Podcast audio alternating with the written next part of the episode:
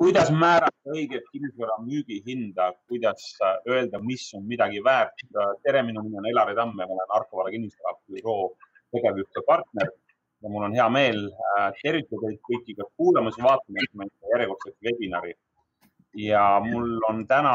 kaasas siin webinaris Tallinna Rävala esinduse maakler Brita Kuus. tere, Brita. tere. ja Tartu esinduse maakler Marge Saaremets-Luik. tere nii tore on teiega olla, kuidas, kuidas suvi on möödunud, jaanipäev on just selja taga. on väsimus,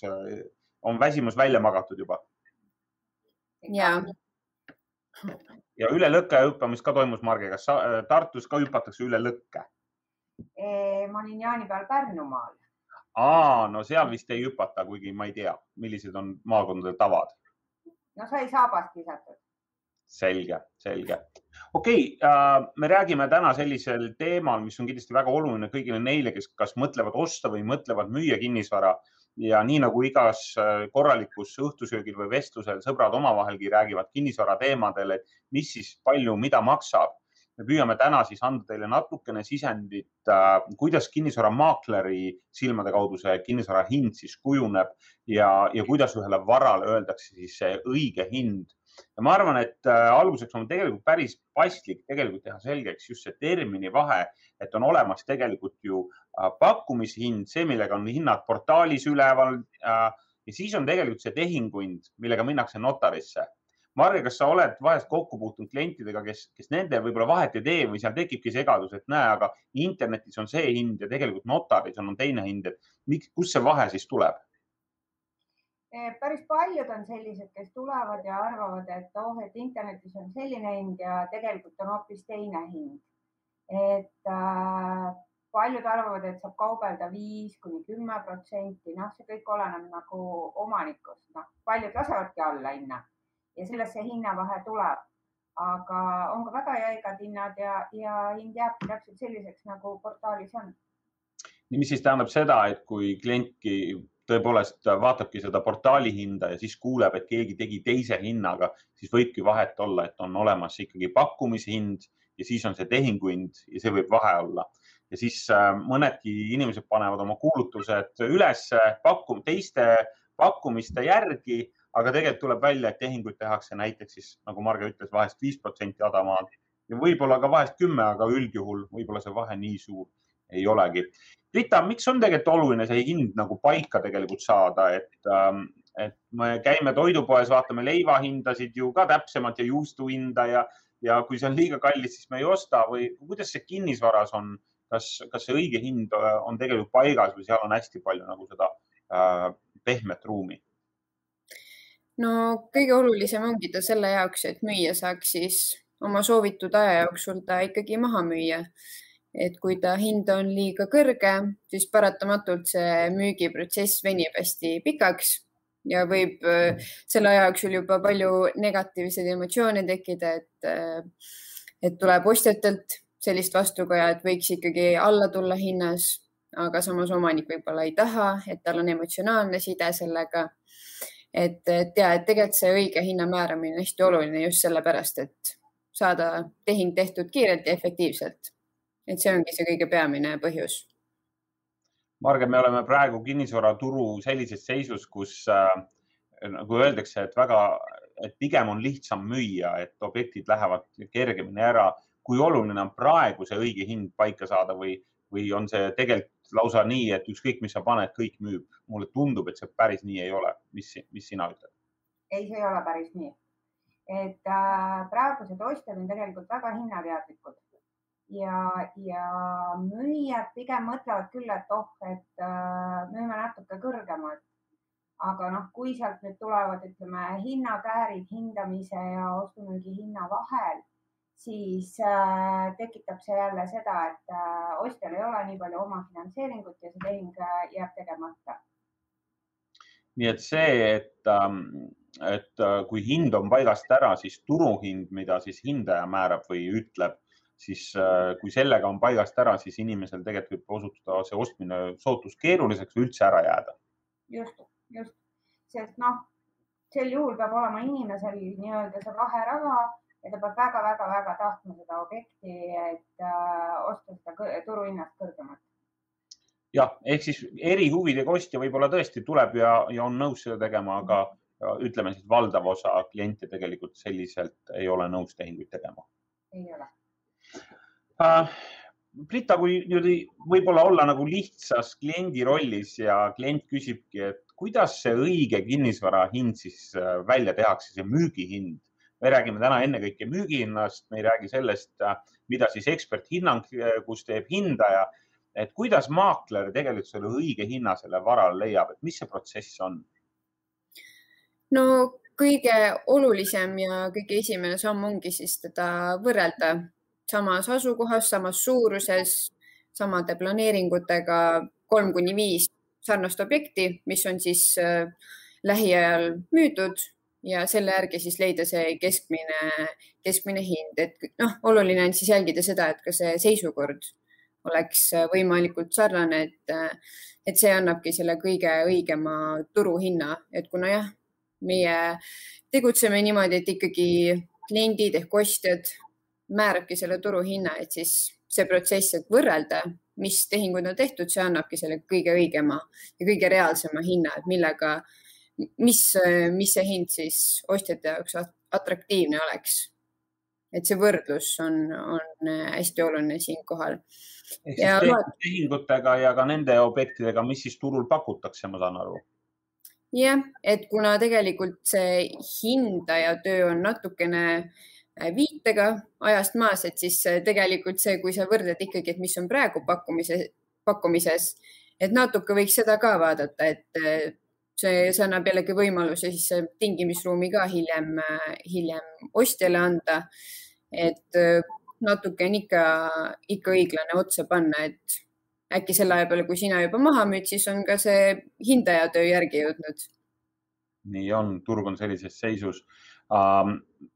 kui Marge, sa kohtud täna klientidega, siis milline see trend on, kas pigem müüjad äh, tahavad hinda ülespoole või, või, või, või on nõus selle hinnaga, mida sina maaklerina ütled? müüjad tegelikult äh, on juba sellises seisus, et nemad küsivad meilt, et äh, kas saab, mis saab, et äh, mis hinda nad saaksid, et pigem viimased müüki tulnud objektid, müüjad on üllatunud, kui ma neile hinna ütlen. See, see on pigem positiivne. positiivselt üllatunud, just, just. turg on olnud täna müüjatele tegelikult päris hea aeg. on, on nii et ilmaasjata ei ole ka meie äh, välja kuulutanud, praegu on hea aeg müüa ja, ja usume, et me suudame neid ostjaid ka leida, kuigi selge, et täna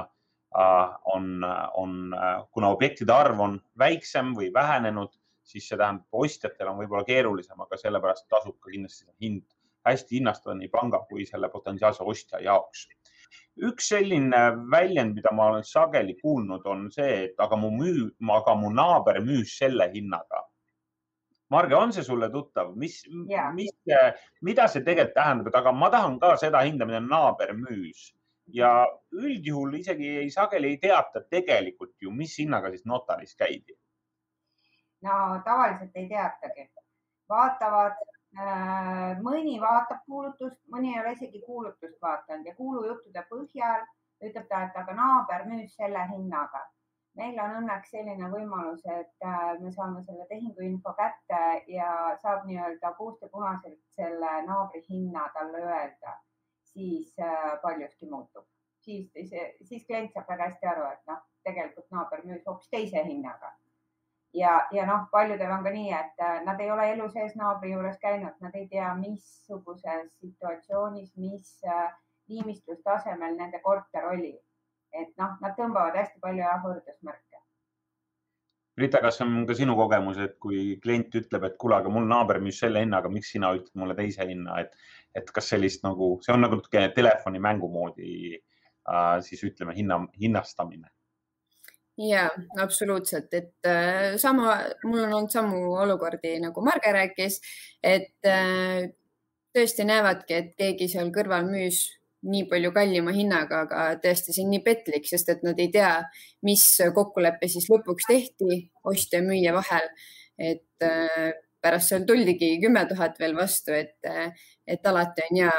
hea ikka veenduda, et mis see reaalne hind lõpuks oli, et kõik need kuulutused, mis portaalides on või need jutud, et need võivad kõik hästi petlikud olla, et tasub veenduda, mis see, mis see reaalne hind oli. Ma arvan, sellepärast ongi see, see, see tühimik vaja ära täita või ka praegusel kuulajale anda see info, et kui sa näed kuulutust äh, ja teatud hinnaga, siis see ei pruugi olla see lõplik hind, millega tegelikult tehing tehti ja seal võib olla veel kokkuleppeid äh, muid, mis on siis notariaalselt juba, juba äh, paika pandud. nii et äh, sellepärast kindlasti tasub kuulata ka spetsialisti, kes, kes on rohkem turuhindadega äh,, ütleme siis kursis Marge, kui äh, inimene tahab hakata praegu müüma kinnisvara ja mõtleb selle peale ja tal on see hinnastamise osas, ta on võib-olla saanud juba siit meilt natuke infot, et äh, nagu Brita ütles, võrdlustehingud ja ka pakkumiste järgi vaadata, aga kas, kas müüja peab tellima eksperthinnangu või tegelikult piisab müügi alustamiseks maakleri arvamusest? mina ei ole soovitanud tellida, tellida eksperthinnangut et äh, nendel on oma tähtajad, millal nad aeguvad. et äh, pigem äh, kiiremini saab selle hinna teada ikkagi maakleri arvamusest. ja noh, meie maaklerid kõik teevad väga põhjaliku töö hinnastamise osas ja kui tekib endal nagu mingit kahtlust, siis üldjuhul on meil alati kombeks esialgsed pildid objekti peal teha, siis kogu, ütleme, võtame tiimi kokku, arutame läbi, küsime hindajatelt, nii saame kiiremini selle hinna paika ja, ja ostja tellib hindamisakti ja siis tal on valik, kas ta tahab seda igasse panka saata või tal on konkreetne pank. nii on, nii, nii on lihtsam asja ajada ehk siis ostu, ütleme siis seda ostja vajab tegelikult ennekõike eksperthinnangut ja kui müüja vajab täna Äh, hinna määramist oma äh, ütleme kodule või, või ärikodule, siis tegelikult maakleri arvamus, kes teeb siis seda nii pakkumiste kui tehingupõhiselt äh, sellise analüüsi, mida võib nii Britalt kui Margelt ka tellida, et kui sul on täna objekt, mida sa tahad müüma hakata ja mõtled, et mis see maksaks, siis kindlasti Brita ja Marge on nõus teid selles osas aitama. kui müüja ootab palju kõrgemat hinda kui turuhind. Rita, mida peab sellisel juhul arva, arvestama? üks osa, mida me rääkisime, oli juba see, eks ole, et mis puudutab seda hindamist, aga, aga üldjuhul ju müüjad ootavad oma kodust kõrgemat hinda. ja et äh, no kõige olulisem olekski paika panna see eesmärk, et äh, mis eesmärgil müüja tahab müüa, kas ta tahab müüa kiiresti, kas tal on uus koht juba välja valitud, tal on vaja sinna ka kuu aja jooksul sisse kolida, see tehing ära teha või tal on aega, et äh, mõlemal juhul seal on omad äh, riskid, aga samas, kui see eesmärk on teada, siis see aitab palju suurema tõenäosusega sellele eesmärgile ka lähemale jõuda. et noh, kui aega on, alustadagi kõrgema hinnaga, siis seal tekib ka muidugi see olukord, et ostjate silmis see tekitab juba ebausaldust, et kui objekt seal üleval kõigub kuid või aastaid, et siis tekib ka ostjatel niisugune tunne, et miks ta seal nii kaua üleval on, kas midagi on seal valesti. et ta ei jäta niisugust professionaalset muljet, aga, aga samas äh, on ka juhtumeid, kui leitaksegi siis tänu sellele, et sul on võimalus pikalt müüa, et leiadki kõrgema hinnaga ostja. aga samas, kui on ikkagi soov kuu aja jooksul näiteks ära müüa, et siis on hästi-hästi oluline, et see hind ikkagi oleks turuhinnale vastav et, ta, et see hind kohe tõmbaks ostjaid helistama, vaatama tulema, et saaks kiiret tehingusse, et kui, et mul on nagu tõesti kogemus, et kui hind on õige ja eesmärk on paigas, siis kuu ajaga on ilusti võimalik tehing ära teha. see on hea ütelus, et kui eesmärk on paigas ja turuhind on paigas või objekti või müügihind on paigas äh, üks on selge, et kui sa paned hinna valeks, siis tegelikult keegi ei helista ja ma olen pannud tähele ka seda, et kui sa paned hinna valeks või ütleme, et kas liiga kõrge või liiga ahne hinna või eesmärgid ei ole paigas, siis äh, juhtub see, mis, mida me ei taha, et kui sa paned raadio käima ja siis ootad sealt muusikat või midagi, see on raadio vait ja siis tegelikult äh, tehakse turundust, aga vale hinnaga äh, õigele asjale turunduse tegemine on tegelikult lõpp, lõpptulemus on sama. ei saa müüdud. Marge, sinul on pikk kogemus kinnisvaramaaklerina ja sa oled kindlasti Äh, ise kogenud seda, et kui hind ei ole paigas, müügihind ei ole paigas, et, et mis siis juhtub, müüja läheb rahutuks, ostjad ei helista, et äh, oled sa sellist äh,, sa oled, sa oled kindlasti seda kogenud. võib-olla kirjeldad näiteks seda, et kui hind on vale, mis siis juhtuma hakkab? no ütleme niimoodi, et kuukene on niisugune rahulik, oodatakse, et noh, äkki, äkki ikka tuleb. aga üldiselt on äh, mina igal juhul äh, kui müüja ütleb, et ta tahab seda hinda, siis mina olen talle reaalse hinna ära ütlenud. ja, ja kui ta ootab natuke, noh, me oleme müünud küll päris mitu aastat ka mõnda, mõnda objekti, aga noh, see ei tähenda seda, et hind oli siis juba kahe aasta pärast kõrge, vaid hind loksus siis lõpuks paika. Et äh, mõni müüja ongi hästi kangekaelne, ta tahab seda hinda, ta ei tule sellest hinnast alla ja ta on nõus ootama. noh, siis ei ole midagi teha ma olen, ma olen pannud tähele, mul tuleb endal üks äh, lugu meelde siitsamast Tallinnast, kus äh, kliendi hind oli, oli kusagil kakskümmend tuhat eurot kallim kui turuhind ja ostjad olid nõus maksma. ja müüja oli tegelikult müünud juba kaks kuud ja ta oli tegelikult maakleri peale juba üsna pahane, et äh, miks sa midagi ei tee ja ja kuigi kõik tegevused said kokku lepitud, ma olin isiklikult selle maakleri äh, mõnel kohtumisel, kus ta siis mõtles, mida teha veel ja ma ausalt arvan, et ta mitte ainult ei kulutanud sinna oma energiat, vaid väga palju turundusraha. Ja ta tegi igasugu innovatsiooni ja tulemus oli tegelikult suur null, et ta tegi ära väga palju tööd, aga tulemus oli see, et ostjad ei olnud nõus selle eest nii palju maksma ja kui ma õigesti mäletan, seda hinda langetati kakskümmend tuhat selle järgmise kuu aja jooksul, siis tekkis viis ostjat. Ja viis ostjat ja kellest kaks pakkusid sisuliselt hinna, nii et äh, kui ma, kui ma taaskord mäletan, et siis äh, ta tegelikult hinnast tuli alla hoopis ainult viis tuhat. ehk siis esialgne kahekümne tuhande hinna äh, langetus tegi seda, et tekkis rohkem ostjaid, tekkis rohkem huvi ma arvan, see on võib-olla ka üks selline müügi, õige müügihinna nagu hea strateegia, et kui sa paned hinna paika, sul tekib rohkem huvilisi ja võib tekkida pigem enampakkumist kui allapoole nagu tingimist. ja siis, äh, sest vaadake, inimestel on üks niisugune kummaline asi, et nad ei taha millestki ilma jääda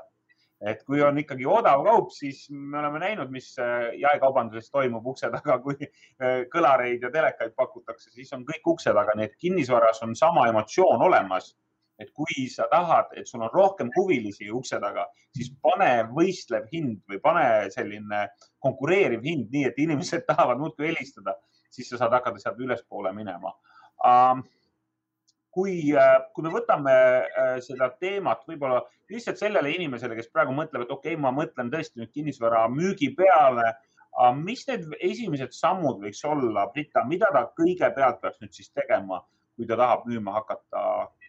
mis see esimene ülesanne oleks, arvestades, et ta tahaks ju teada, mis ta hind on, eks ole. ja noh, kui ta on tõesti otsustanud, et ta müügisoov on kindel, tegelikult talle endale kõige lihtsam ongi võtta ühendust maakleriga ja maakler juhendab teda täpselt edasi, mis need sammud peaksid olema. ja noh, maakleri puhul ongi väga suur pluss juba see, et teebki selle hinnastuse ära. et muidu ise äh, tavakasutajana müües ongi see, mis me rääkisime, need hinnad, mis seal portaalides on, need ongi petlikud ja see võib kaasa tuua seda, et äh, su müügiprotsess pikeneb ja sa kaotad selle aja ja selle potentsiaalsed kliendid tegelikult, kes sul oleks võinud juba selle aja jooksul olla. et, äh, et ja, et kõige esimene samm peakski olema see hinnastamine ja, ja, ja see, seejärel juba siis vaadata, et kuidas saaks head pildid võib-olla mingi ukseliist, kus on koer tüki välja närinud, ära vahetada. et siuksed pisiasjad ka tavaliselt ikkagi aitavad, et kui inimene tuleb vaatama, et siis see suur asi ei jää talle kohe silma. et aga jah, et ikkagi maakler saab juba väga palju äh, nõu anda, et mis need sammud peaksid olema ja panna hind paika, et siis protsess edukalt lõpuni viia kas äh, Marge, sinu kogemus on see, et müüjad võtavad mitme maakleriga ühendust ja küsivad erinevatelt maakleritelt hindasid või tegelikult äh, tuleb valida üks maakler äh, võib-olla tuntumast büroost, kus on teada juba see taust, kus on teada kvaliteet. kuidas see klientide harjumused täna on, küsida mitmest büroost või, või küsivad nad või on nad kindlad ühe bürooga? oleneb kliendist, kui on keegi sind soovitanud siis ta jääb nii-öelda soovitatud maakleri juurde. viimasel paaril nädalal olen ma büroos võtnud kõnesid vastu, kus küsitakse, küsitakse, et mis võiks olla see hind, mis on vahendustasu, kuidas te tegutsete, olgu. sain vastuse, helistan järgmisesse büroosse. kaks-kolm kõnet olen ma sellist büroos vastu võtnud aga üldjuhul, kui äh, sa ikkagi nagu suhtled müüjaga, teed talle selgeks, mida üks maakler teeb. Äh, ta annab täielikult sada protsenti oma panuse, kui sa võtad kõrvale teise maakleri, siis kumbki kuskilt hakkab logisema, kumbki ei taha enda raha äh, sajaprotsendiliselt raisata nii-öelda oma turunduse, mis iganes, et siis jääb see objekt lonkama. nii on, nii on Äh, soovitame kõigil, kes te täna mõtlete müügi peale, võtta ühendust ühe konkreetse maakleriga ja esitada üks selge küsimus, et mul on vara, mul on seal aadressil vara selle aadressiga ja ma tahaksin teada, mis võiks olla selline müügihind ja sellega hakkab siis maakler tööle, et, et aidata selgeks teha, mis selle hea müügihind on. ja ma arvan, Brita, sa ütlesid tegelikult väga õigesti, et hea, õige müügihind tegelikult ei ole ainult lihtsalt number, vaid on ka tegelikult osa motivatsioonist, et mida edasi tahetakse teha sellepärast et see annab ka selle müügitaktika, eks ole, et kui kiiresti müüa ja, ja kas siis hinnastada natukene äh, juba etteturust või, või tegelikult panna ikkagi see äh, äh, õige hind või selline natukene madalam hind, et tekiks rohkem huvilisi.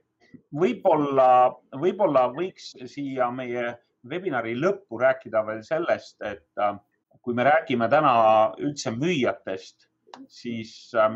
milline see müüjate ootus võiks täna maaklerile tegelikult olla, et, ähm, et ähm, räägitakse sellest, et noh, maakler paneb lihtsalt kuulutused ülesse ja, ja teeb ilusad pildid, aga, aga olles ise selle sees, Brita, ma saan aru, tegelikult sina ka oled, oled üle aasta olnud selline tegus maakler ja väga edukas alustaja. Äh, sa kindlasti ka ise tagasi mõeldes sellele, mida sa täna teed näed, et see, mida maakler peab tegema tegelikult müüja jaoks, on tegelikult oluliselt rohkem, kui sageli ka arvatakse. on mul õigus? ja absoluutselt, et noh, ma võib-olla ise tunnengi, et tihtipeale see jääb müüjale võib-olla isegi natuke peitu, kõik see, mis maakler tema heaks ära teeb, et, et seal on hästi palju ikkagi nende kokkulepete leidmist, seda psühholoogilist poolt, et kõigil oleks ikkagi hea et sellepärast me siin vahel see lüli olemegi, et müüja ei peaks siis seda kogema, et sellepärast see peabki tema eest natuke nagu peitu jääma, et ta ei teaks sellest midagi. et aga, et need äh, suhtlused käivad, et need arutelud ja kokkulepped on vaja leida. et, äh, et see, et see maakleri roll on tegelikult midagi palju enamat, kui tundub, et portaali kuulutusülespanek, et seal, seal on ju tegelikult kõik see, et kõik oleks korrektne, paberid, asjad korras, et äh, me saame samal ajal ka aidata, et äh, ostjad saaksid enda finantsilise poole korda, oma vara müüdud pangas, laenud ja et äh, ühesõnaga see kõik on kirjutatud selle ümber, et kõik pooled oleksid rahul. Ja see ongi see kõige suurem ülesanne just nii suur osa sellest äh, psühholoogiks olemisest, ma usun, Marge, sinul on aastate jooksul seda kogemust palju, kus sa pead võt, olema küll abielunõustaja, küll olema jurist, küll olla ehitusnõunik. ma ei tea, on veel midagi, mida sa tegelikult pead justkui klientidele olema? no viimane kogemus oli see, et äh, lihtsalt äh, aitasin kliendil äh, kõik andmed korrektselt EHR-i äh, sisestada ja, ja teha, et saime korda Läks kaks nädalat, aga kõik sai korda. ehk siis ka dokumentatsioon korda ajada. just, ma loodan, et meie kuulajad on tegelikult saanud sellise põhilise info selle kohta, et kuidas see õige müügihinna määramine käib, et kiire ülekordamine siis, et kui hind ei ole paigas, siis sellest tekib tegelikult kas viivitus või sellest tekib lausa peavalu ostjale. ja üks olulisemaid punkte tuli välja see, et tegelikult tuleb paika panna motivatsioon ja õige hind, et mida siis, miks siis müüakse, mis on selle eesmärk ja kuidas seda kõike teha, siis võtke ühendust äh, konkreetse maakleriga, võtke ühendust Britaga Tallinnast, võtke ühendust Margega Tartust ja, ja pidage konsultatsiooni, et mis see õige müügihind oleks, mis see õige müügitempo oleks ja nii nagu siis Britagi ütles, et see õige müügihind siis pannakse paika äh, võrdlustehingute ja pakkumiste põhjalt ja loomulikult siis lähtudes sellest, mida siis kliendil, mis kliendil vaja on. nii et lühidalt äh, tänane meie Arcora webinar, kuidas siis määrata õiget hinda kinnisvarale. ennekõike lähtusime siis täna kodumüügist, aga siit on printsiipe, mis kestavad või kehtivad ka muule varale, ka ärikinnisvarale, nii et aga suur tänu kuulamast, suur aitäh, Brita, sulle tänase eest. aitäh sulle, Marge ja soovin teile väga ilusat suve jätku ja palju tehinguid. suur tänu kõigile kuulajatele ja siis juba järgmine nädal uue webinariga. nii et ilusat suve jätku teile kõigile